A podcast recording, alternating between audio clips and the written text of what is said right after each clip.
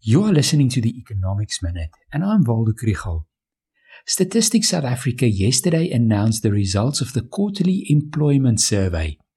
It measures employment amongst 20,000 businesses. The focus is therefore on the formal sector, and the survey excludes agriculture. The figures that we get here look slightly different from the labor force survey. The QLFS is a survey amongst households and gives much more details about who has a job and who's looking for a job. Yesterday's figures were for the second quarter of the year up to the end of June. South Africa reached a record high level of unemployment in the second quarter, and today's figures confirms this. Employment decreased by 86,000 jobs from the first to the second quarter. The losses were in manufacturing construction, and community services.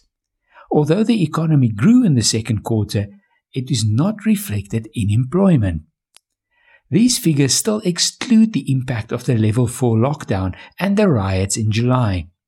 Estimates have already been made of the loss of output, exports, and employment due to the riots and the closure of ports in July.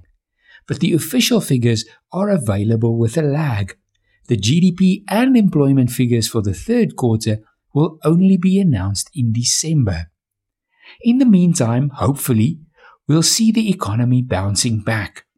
The third wave of the pandemic is behind us and more people are being vaccinated. If the markets calm down about inflation in the US and the Minister of Finance sticks to the fiscal consolidation plans in the mini budget, we may forget about the problems of July.